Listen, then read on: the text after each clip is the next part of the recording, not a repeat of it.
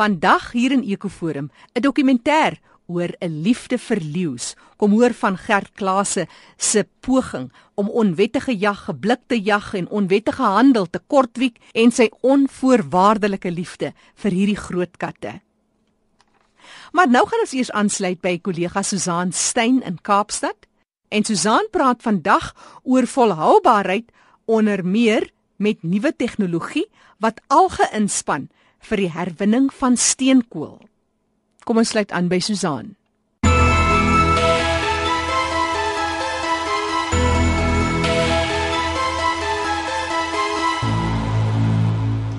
Tydens 'n navorsingsprojek by Innoventin, dis 'n instituut van die Nelson Mandela Metropolitaanse Universiteit in Port Elizabeth waar nuwe tegnologie ontwikkel word om biobrandstof uit alge te probeer skep, is 'n belangrike ontdekking gedoen. Professor Ben Zili is nou op die lyn. Hy's 'n direkteur by Innoventin en prof, julle is baie opgewonde oor hierdie projek uh, wat half begin is in een rigting, maar uiteindelik het julle iets ontdek wat te doen het met alge en die herwinning van steenkoolstof. Maar voor ons daarby kom, wil jy nie net eers vir ons agtergrond gee van alge en hoe dit begin gebruik is met die oog op die skep van hernubare energie nie? Die algestorie begin al hier in die laat 40er jare toe die mense vir die eerste keer begin kyk het na alge as 'n moontlike bron van energie omdat die goed geweldig vinnig groei. Onder die plant spesies is dit natuurlik die spesies wat die vinnigste groei. So die interesse in alge is al dekades oud. Tussen 1976 en 1996 het die Amerikaanse regering 'n geweldige klomp geld, ons praat hier van oor 100 miljoen dollar gespandeer op algenavorsing waaruit op die ou ene maar baie min gekom het. Maar die interesse in algeheel natuurlik gebly en met die groot storie oor klimaatsverandering het dit natuurlik nou weer geweldige interesse by baie mense gekry. Die groot dryfveer onder alge is omdat hulle so vinnig groei, het hulle die moontlikheid om sonenergie op te vang en dan kan jy natuurlik die biomassa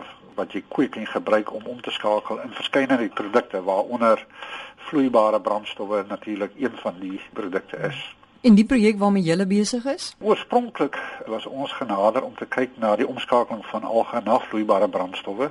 En in die proses het ons nou maar per ongeluk afgekom op die hele storie waar alge nou gebruik word in samewerking met steenkool. So op die oomblik is die groot fokus in die projek hoe kan ons die alge gebruik om die massiewe hoeveelheid steenkool wat elke jaar deur die industrie nie net in Suid-Afrika nie maar wêreldwyd uh, gegenereer word weer terug te wen as 'n bron en terselfdertyd dan dan biokomponent binne in steenkool in te bou. Kan jy miskien net kortliks vir ons verduidelik, jy weet presies wat dit behels? Gedurende die myn en verwerking van steenkool omdat steenkool baie sag is, breek dit maklik en dit vorm 'n fyn stof. En en daai fyn stof kan jy glad nie gebruik nie omdat die wind waai dit weg en hier daar's geen manier om dit te vervoer nie. So dis 'n verlore bron wanneer jy alge en dis nou mikroalge saam met daai stof meng, dan bind die alge onmiddellik op die oppervlakte van daai steenkool. En wanneer jy dit so bietjie warm maak en saamdruk, dan vorm dit weer harde steenkool. So op daai manier herwin ons daai verlore steenkool weer terug. En daar's natuurlik 'n geweldige klomp ander detail wat daarmee saamgaan. Byvoorbeeld, die proses kan ook gebruik word om die water wat op steenkoolmyne gebruik word, baie vinnig te hersirkuleer. Iets wat glad nie moontlik is op die oomblik nie. So selfs van 'n waterverbruik oogpunt op steenkoolmyne het die tegnologie 'n baie groot moontlike toepassing.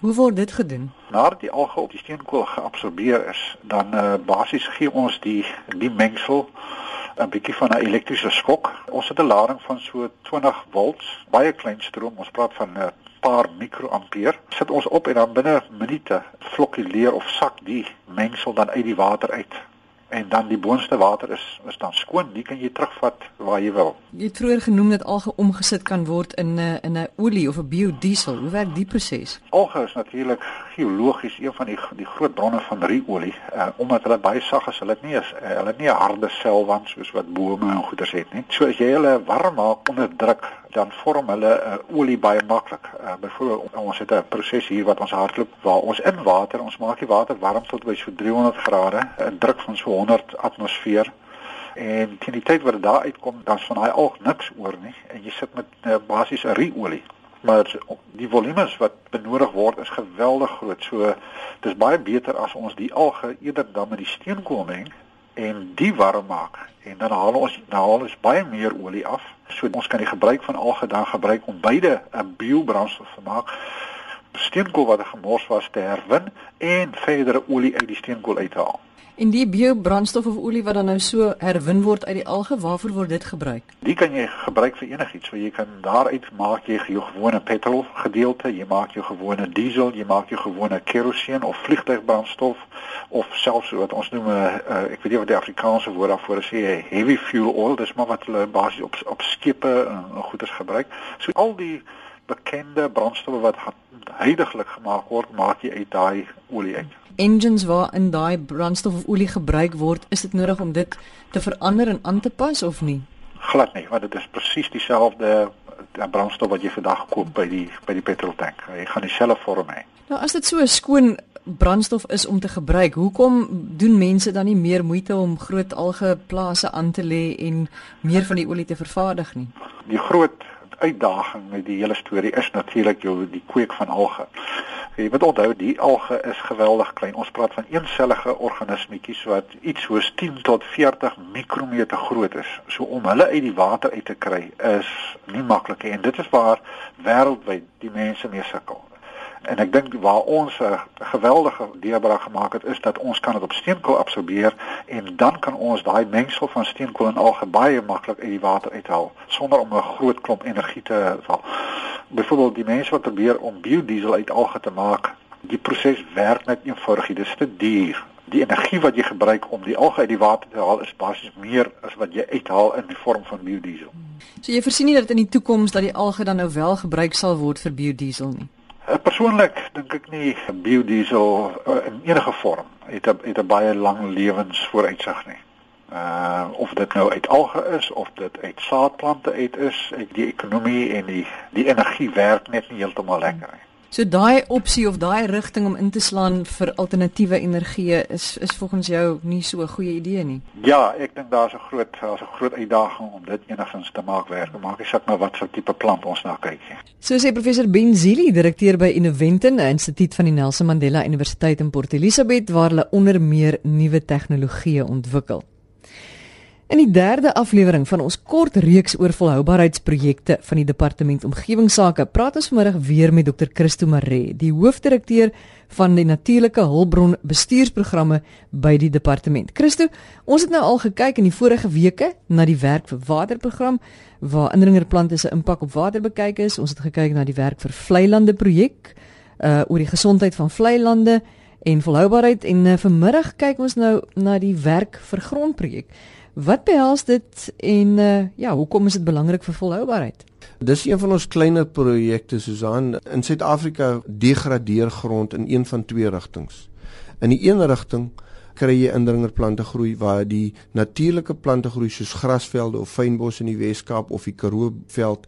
Die grasvelde is word baie ingedring deur swart wattles en Australiese akasias hier in die Weskaap is dennebome en Australiese akasies 'n baie groot probleem en in die Karoo is prosopis 'n groot probleem. En die tweede tipe van degradasie wat plaasvind is bosindringing.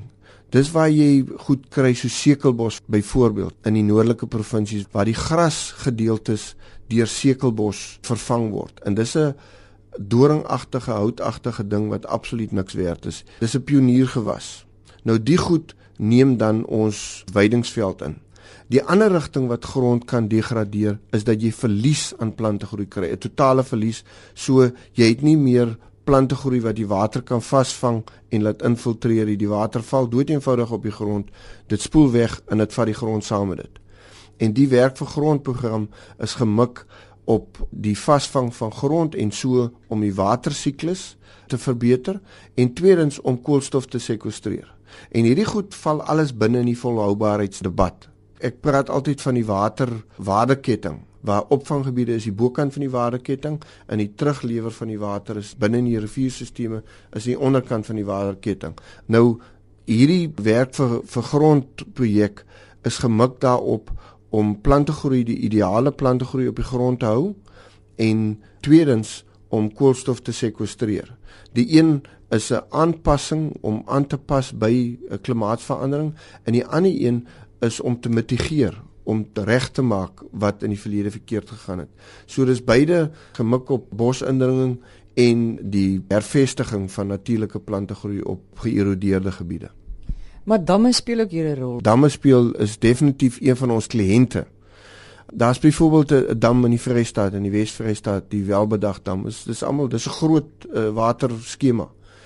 Daai dam is 96% volgesluk. Ons uh, werk in die opvanggebiede van die Umzimvubu in die Drakensberge. Die klein dorpie Jan Fletcher in die Oos-Kaap, Noord-Oos-Kaap, het in 2008 het hulle dam voltooi. Teen uh, 2013 was daai dam het ons geskat is daai dam 70% opgesluk gewees. In 2010 terme het Kelvin Lek van die departement waterwese 'n voordrag gelewer waar hy gesê het dat dit kos R20 per kubieke meter stoorspasie. As jy wil stoorspasie skep vir water, kos dit vir jou R20 per kubieke meter. As jy dit toelaat om op te sluk, dan gaan dit vir jou nog R8 per kubieke meter. 40% van jou oorspronklike vestigingskoste, jou kapitaaluitgawe, gaan jy weer moet spandeer om die, die sluk ontslae te raak van.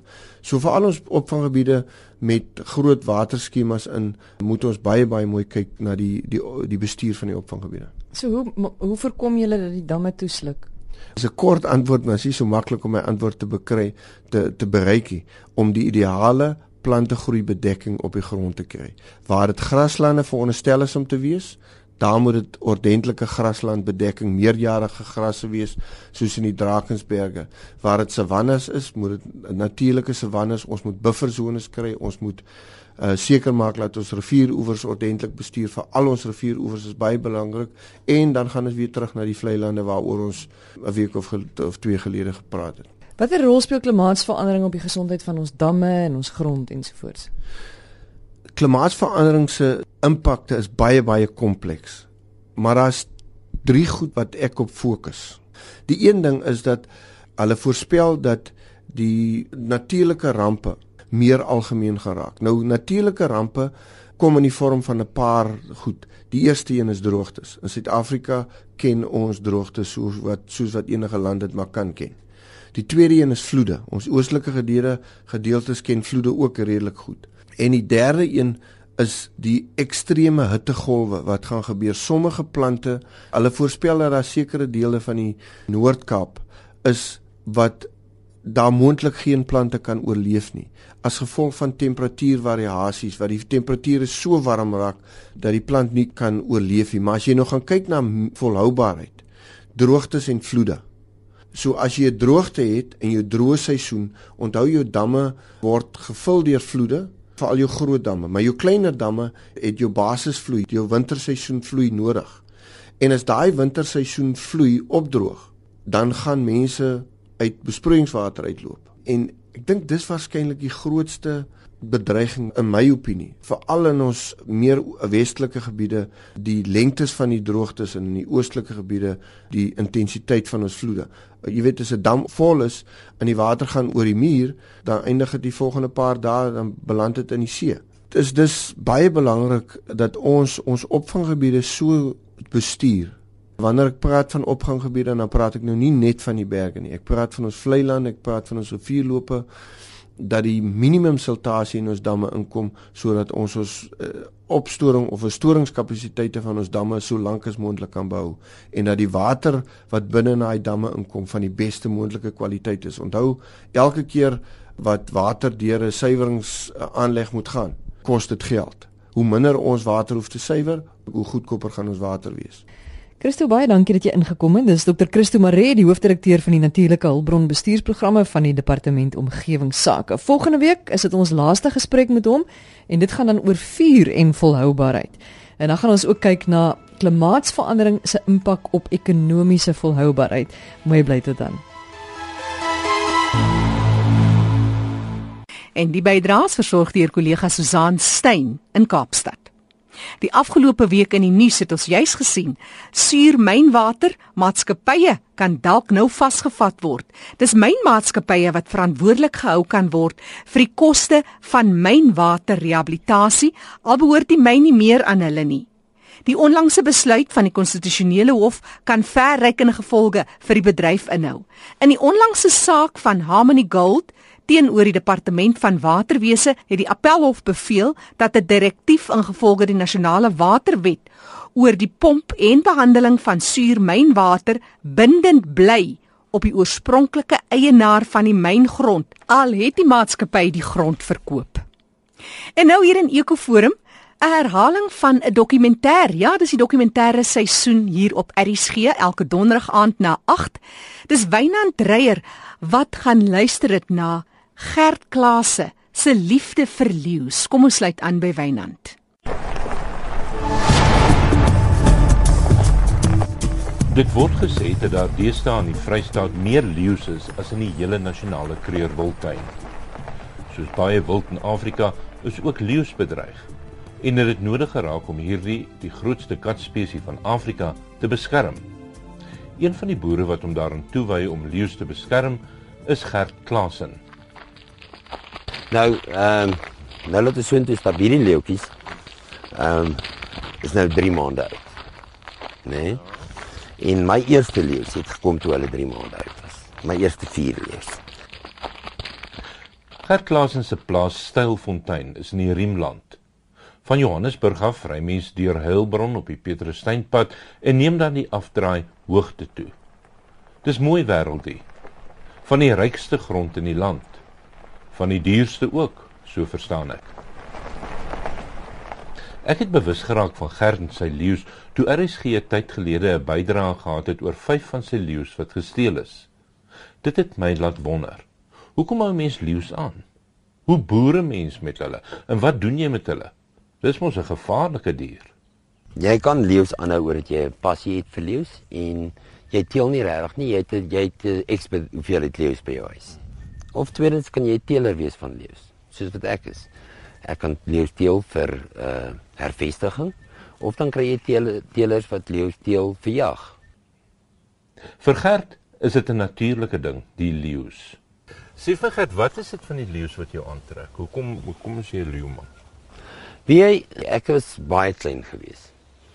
Dit ek uh toe die boek Bond vir uitgekom. En ek het die boek gelees. Dit het my was my so verstommend dat iemand so naby aan lees kon wees. En ek het altyd my my pa nogal gesê, "Pa, ek wil eendag lees sien." Sê ja, my kind, en ek wil eendag 'n jeep hê.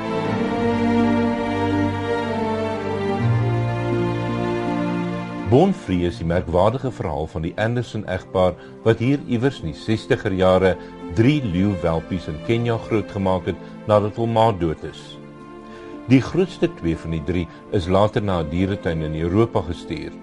Maar hulle het toe die kleinste, Elsa, grootgemaak. Elsa is later in die natuur vrygelaat en toe die Andersons na tyd terugkeer, was hulle bly om te sien dat Elsa hulle nog onthou en ook dat sy drie welpies het. Gert is baie lief vir die wilde katte. Dit is duidelik. Sommer met die intrapslag in die sitkamer koes 'n mens vir 'n groterige kat wat verby flits. Is dit 'n kat, wonder jy? Dit lyk soos 'n kat, 'n groot kat. Dis Gert se tierboskat wat hy hier groot gemaak het. Ella se storie is baie dieselfde as Elsa van Born Free Farm se. Sy's ook Hans groot gemaak. Dis nou Ella, sy loop nou hier saam met twee uh Italiaanse hoopits. Nou die Italiaanse hoopits die teef, Gracie het Ella uit die boks uitgehaal toe sy 2 dae oud of 3 dae oud was en na self groot gemaak. Sy het in melk gekom en sy maak al groot en toe die nuwe tierboskytjies kom, toe sê sy vir Ella uit die boks uit en toe vat sy die nuus. 'n Tierboskat wie as jy hom sien uh hier in Oos-Vrystaat het hulle baie min voorkom. Ons het hulle nooit eintlik gesien nie.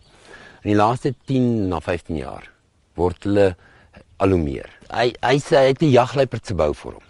As jy nou kan sê, ek sal sê hy's 'n jagluiperd, maar hy lyk soos 'n luiperd. En dan sê nou net, hy's 'n mini jagluiperd kan ek nou sê. Hy spring 4 en 16 voet hoog. So ek dink dis 4 en 'n half meter as ek reg uitwerk. Vinnig. Kleur?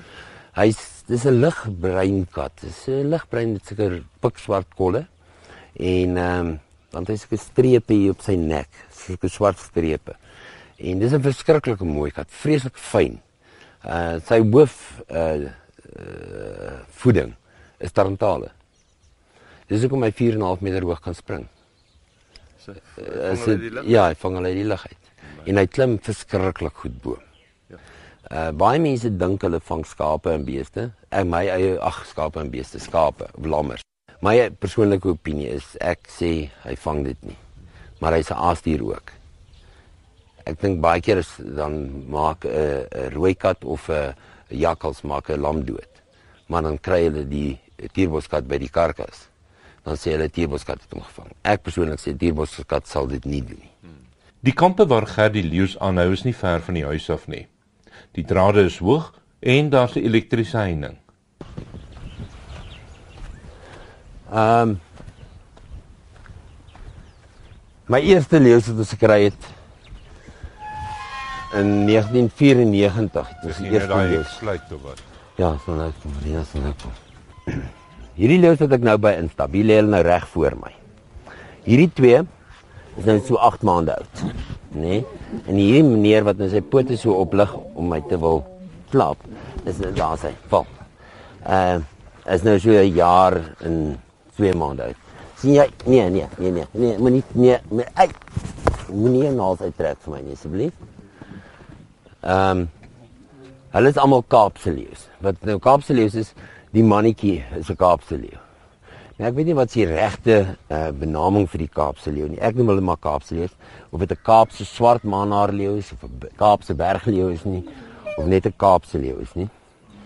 Maar hulle was omtrent extinct geweest. Mense het gedog hulle bestaan nie meer nie. En toe het iemand iewers ter in 'n diertuin oor see van hulle gekry en dis hoe hulle nou uh hier aangekom het. Nou hy is die 13de Maart gebore. Uh laas jaar. OK, so hy is nog nie 'n jaar oud nie, ekskuus, ek is verkeerd. Hy is nog nie 'n jaar oud nie, hy is nou 11 maande oud. En Hulle is baie spelerig, hè. vreeslik spelerig en jy sal nou sien hoe so kom lê mooi. so. Ah, oh, sy. Lê so man. Kom lê so. Draai so vir my. Kom, draai. Hulle is vreeslik lief daarvoor eintlik om op hulle maag gepryp te word. Dis almal jong leeu's wat hy hier het. Hulle is spelerig, byt mekaar se ore, rol om en wag dat Gert sy maag krap. Merkwaardig. Kyk die probleem van om verskillende ouderdom leeu's bymekaar te laat loop. Is hierdie is uh tussen 2 en 3 jaar oud. Okay. Daai is tussen 6 maande en 'n jaar oud. Ja. Is hulle kan mekaar seermaak. Hierdie werk al rof met mekaar. En net die grootte verskil. Maar oor 'n jaar kan ek hulle bymekaar sit en dan sal niks fout wees nie. Kom hulle hier so. Kom hier so. Is hulle dan 'n trop? Sal hulle trop vorm? Ja, hierdie is net klaar al 'n trop. Hulle is 'n mooi trop. Maar kyk net net hier so. Lyk sy kop is seker wat die helfte groter as myne. Sy pote alleen is groter as my kop. Ons is nou in 'n proses waar ons nou besig is met 'n veearts van ehm um, verliers. Ehm um, nou die wil uh, doen vir ons die gaan doen vir ons die DNA van die van die leeu's nou. Ehm um, ek het 'n uh, vernoot in die in deel van die leeu's Hans Pretorius van Frankfurt wat saam met ons nou die DNA analises doen en, en laat ons kan kyk hoeveel verskillende lyne kan ons deel en laat ons spesifiek gaan vir is verskillende tipe leeu's. Verstaan jy dat jy as jy gaan vir 'n Kaapse swartmanhaar leeu, dat jy Kaapse swartmanhaar leeu. Jy het, jy moet 'n spesifieke deel van jou bedryf moet net Kaapse die wyfies, die mannetjies moet suiwer Kaapse uh Kaapse leeu's wees. En as jy Timbawati leeu's het, net wees suiwer Timbawati leeu's. Wit leeu, suiwer wit leeu's. Ons moet subspesies probeer begin uitskakel en die spesies so probeer behou. Dis hoekom ons die DNA-analise doen. Maar kyk nou hier vir Choupe weer. Ek bedoel hy is nou so hy is so liefdevol. Hæ? Sien jy die liefdevol vir jou? As jy nou 'n mense se hand vat, 'n gro- groot man se hand vat. Sy poot, kom ons sit my hand nou hierso. Kyk hierso. Sy poot toe is omtrent 'n derde groter as wat my hand is. Toe. Ja. Nou praat ek van toe. Ja. As hy so maak, As hy hom oopmaak. As hy as hy so maak om nou klap, dan sy sy poot is heelwat groter as my kop dan is. Sien, hier sien. Maar kyk hier is sy kop. As ek net my kop hou. Ja, ek sal nie Hy's hy's groter as wat sê hy soveel groter. Kyk hoe gaap hy. Wat Ja. hoe lank is daai tande? Nee, hy's al 3 jaar oud daai leeu. So jy moet nou self dink daai leeu jag al op sy eie in die in die wild. Kyk op 3 jaar dan word hy al uitgesit uit die trop uit. En dan kan hy al wyfies dek. So die, die hoof van 'n mannetjie in die wild ja. jag hom al uit. So hulle jag op hulle eie gewoonlik ja. of saam met 'n broer of twee broers.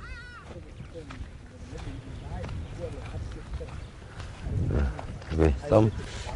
Dan staan net eentjie agter hom, hoor. Wat hy net met so kom. Jy praat in daai, maak hom, maak hom, maak hom. Hierdie lees naam is Chupe. Chupe, maak dit, maak dit, maak dit, maak dit, maak dit. Kom Chupe. Hierdie leeu is 3 jaar oud. Né? Nee? En eh, kom sien. Kom. Kyk hierso. Dis wat ek vir jou gesê het van aanraking. Dis vir hulle verskriklik. Dis 'n 3 jaar ou mannetjie. En kyk hoe is hy. Kom, Kom, hy, lê. hy dink hy's 'n klein katjie. Hè? Hy dink hy's 'n klein Ja, en katjie. hy's verskriklik liefdevol. Hy is ontsettend leesjie. Kom, ons. Ja. Om. Ons moet Ek bedoel hierdie leeu weeg wat 140 kg al. Liewe tyd. En uh Ja, hy vat jou by jou heup. ja, kom, kom sit hier by my. Kom hierso. Kom, kom. Ons. Sien jy daai aanraking is vir hom vreeslik. Ja, sy lê, lê. Lê vir ons. Kom. soos 'n kat. Jy weet 'n kat wat wil gevry word Ja. of gekrap word en Dis vir hom ehm um, ek dink elke keer wat ek inkom ook hierso, is dit asof dit vir hom uh, dis 'n hernuwing van bande ja. of 'n versterking van bande. Nie hernuwing meer 'n versterking. Kom, kom, kom. Kom. Au. Kom sê hallo vir my. Kom sê mooi hallo. Au. Kom sê hallo. Nou sien ek jy hurk. Kom, kom sê hallo. Sodra ek hulle hoogte is, dan sal hulle baie vinniger na my toe aankom want hulle daar's geen dreiging nie. Maar nou sien ek hy's nou hier. Dis nie daai hierdie een is nou die jongste een van die twee, hy's 2 jaar oud. Ja, sien. Ja. Kyk nou hoe jaloers is hulle. Kyk nou hierdie twee. Kyk aan. Jy sien toe hy my nou weg hierdeur. Nee, daar. Daar. Hey. Wat is dit nou? Jy's glad nie bang vir hom nie. Weet dit gaan nie oor bang wees vir hulle nie. Dit is dit gaan oor ehm um, ek probeer werklik waar alles in my vermoë om die leeu's te kan lees. Soos ek vir jou vroeër gesê het ook is as ek by 'n hek gaan staan van die leeu's en die leeu's kom nie na die hek toe nie. As hulle nou as 2 jaar oud is, dan gaan ek glad nie in daai kamp nie. Want daar's 'n rede hoekom daai leeu's daar wil bly lê. Hulle wil nie by jou wees nie. Maar as ek stap en hulle kom amper aangehardloop ek toe, maak soos hierdie ene gemaak het ook inkom, jy weet, onmiddellik vlieg teen jou en dan weet jy, daai leeu wil interaksie met jou. Maar as hy daar lê in die veld, dan weet jy mos hy wil nie met jou interaksie hê. En ek dink tog baie van die gevalle waar mense aangeval word, is die feit dat hulle na die leeu toe gaan. Ja. En uh, Hou jy dit bereken jy dit ooit dat die leeu jou dalk moontlik eendag kan aanval? Weet jy wat? Ja. Ehm um, iemand uh, hoe sê ek dit? Iemand het uh, vir my eendag gevra, is ek nie want ek kan loop elke uh, kom ons sê Sondagmiddag. Dan gaan stap ek met die leeu's wat groter as 2 jaar is. Dan gaan stap ek in hulle 'n 14 hektaar kamp. Dan gaan loop ek met hulle. Dan loop ek so heen en weer in die kamp dat ek seker maak hulle kry vir daai dag baie oefening. Want hulle is maar lekker lui die mak lees, jy weet. Ja. En dan vra mense vir my, is jy nie bang as jy so alleen stap met die goed dat jy iets sal oorkom nie? Ja. En uh jy, daar was ek nog nooit regtig eerlik kan ek dit vir jou sê. Ek ek was ek kan ek uh, sê was ek in 'n situasie wat ek kan sê wow, ek was vandag amper dood gemaak.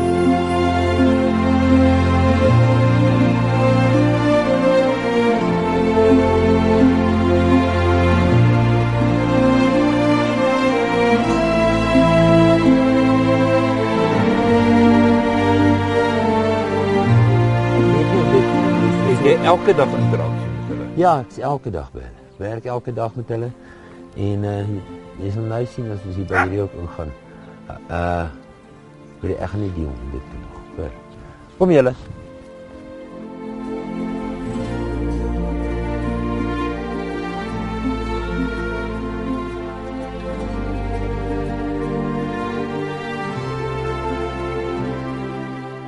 Kom, kom, kom, kom, kom. Au. Au. Kom. Au. Au. Kom hier. Kom hier. Simure. Simure. Simure.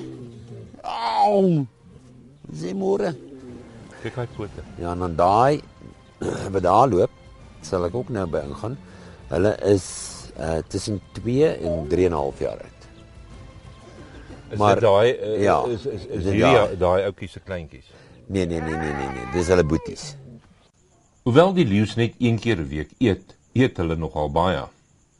Die leeu's is bietjie te vet eintlik, maar my pa het altyd gesê en hy het altyd my sê Gert, as jy iets vat uit die natuur uit wat die liewe Vader na kyk, dan kyk jy mooier daar as wat hy daarna sê.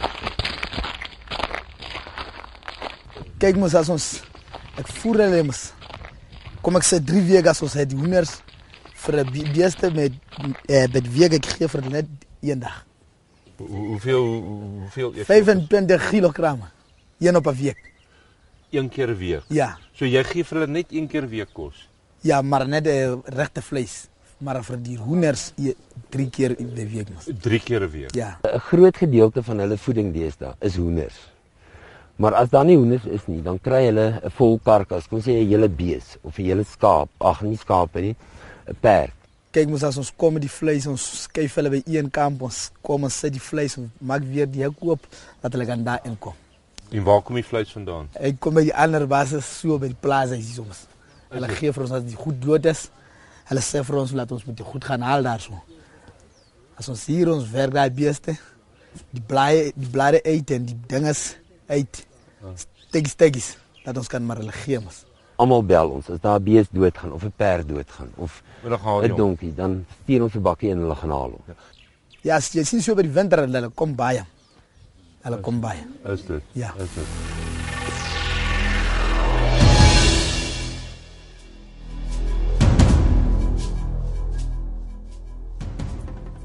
Die vyf leeu's wat onlangs gesteel is, is nog vars in sy geheue. Die saak word nog ondersoek. Gert is van mening dat die leeubene aan die oosterse mark verkoop is. Ek vermoed hulle het die leeu's afgeslag, die vel en die kop gehou en dan die die vleis afgesny van die bene en dan daai bene opgekoop. Uh, opgekook en dan die bene saam met die vel en die kop ver, verkoop.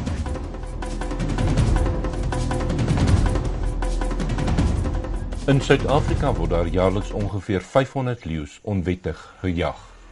Meestal van kommersiële leeuteelplase soos die van Gert Klasen. Daar word daar duisende dollars betaal vir 'n trofee om bokant 'n kaggelrak te hang. Maar in die laaste tyd is die gemaalde bene van leeu's hoog in aanvraag. In lande soos Vietnam en Laos word dit in liefdesdrankies gegooi as plaasvervanger vir die sogenaamde tierwyne.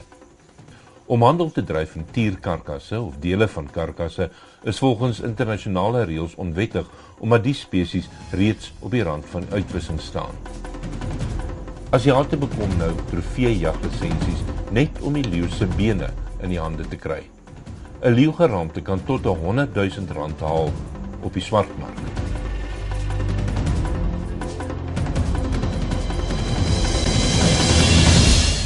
Hulle het dit nie gaan doen uit leie uit nie. Hulle is genader, verseker deur ons vermoed 'n syndikaat wat aan die oosterse mark uh daai tipe goed verkoop.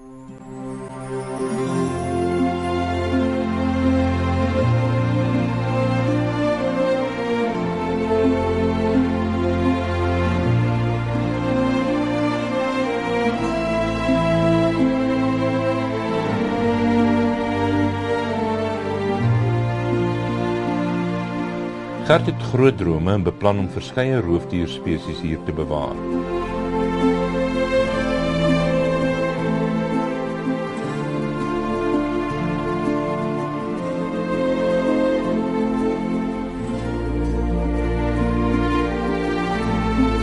Die ander katspesie wat ek 'n ontsettende passie vir het. Is iets wat ek nou die dag self eers ontdek het is. Ehm um, ek het op uh, Google gekyk na Afrika katspesies. En toe kom ek op die tier, die muurshoop tier af. Die eerste keer in my lewe wat ek daarvan gehoor het. En dit is toe die volgens wat ek gelees het, die hoogs bedreigde kleinste katspesie in Afrika.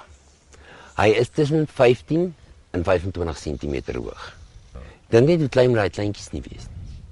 Nou, hulle is lyk like nes 'n tierboskat. Al verskil is het hierdie groot kop met hierdie massiewe oë en hierdie ou klein lyfie. My ideaal is om al Afrika se bedreigde katspesies te begin teel. Daar's 'n paar soorte wat ek oor 'n groot passie het. Die een is die rooi kat. Ek weet die meeste boere gaan my sê ek skiet jou as ek jou sien oor jy rooi katte wil teel. Maar dit is nie uh ek besef rooi kat doen baie skade. Ons het self skape. Ek het al gesien wat doen 'n rooi kat. Ek bedoel dit is verskriklik. En uh, hy vang 'n groot almal. Jy weet, so dit is 'n ding wat baie baie skade aanrig. Maar jy's daaroor wil ek rooi katte begin teel om hulle liewerster lewendig weg te kry. As hulle in 'n hok gevang word, moet hom nie skiet nie. Bel my dat ek hom kom haal. Die dae waar Afrika se leeu's onbeskermd in die wildernis kan rondloop is getel.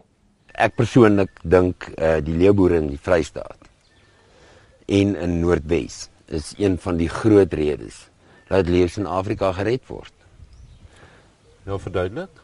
Ehm um, wat mense dalk nie besef nie is dat vir elke wille leeu wat geskiet word nê nee, kom daar 'n nuwe mannetjie in die trop en want jy skiet gewoonlik die mooiste leeu in die wild. Jy skiet nie 'n gewone leeu nie jy skiet die mooiste leeu die mooiste leeu is gewoonlik die leeu wat die trop het. Nou daai leeu mannetjie word doodgeskiet nou dan kom daar 'n nuwe leeu in. As hy inkom byt hy al die kleintjies wat onder 2 jaar is dood. So daai amerikaner het nie een leeu geskiet nie. Hy het baie keer 20 leeu geskiet. Die leeu's is werklik waar vir my ehm um, 'n passie en 'n liefde. Die dierboskatte en soos ek gesê het, ek wil net die rooi katte en die muurshooptiere en ek wil graag daai goed begin hê. Ek wil dit aan aan aanhou teel vir die bewaring van die spesies.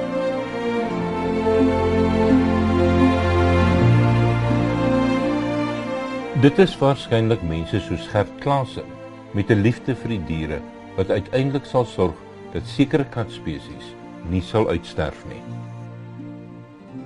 90% van die goed wat ek met die lees ondervind, sien niemand nie.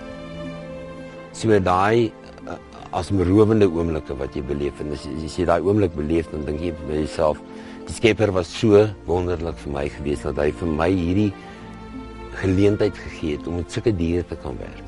Jy weet, dit is wat vir my die grootste ding van die leeu is, is die voorreg wat die Here my gegee het om met sulke diere te kan werk want dit is werklik 'n voorreg en dit is uh iets wat jy altyd moet bes beskou as iets ontsettend besonder. Ek is 0.00001% van die wêreld wat aan leeu's vat, wat leeu's stap, wat leeu's werk.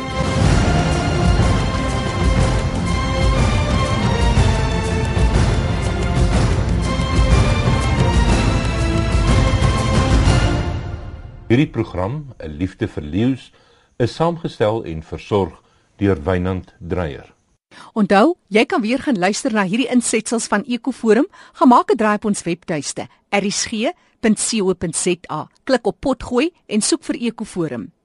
Jy is ook baie welkom om kontak te maak met my vir enige terugvoer, omgewingsnuus of navrae. E-posadres: eku@erisg.co.za of jy kan 'n vinnige SMS stuur. Rig dit aan my Jackie January. Die SMS nommer is 3343 en 'n SMS kos jou maar R1.50.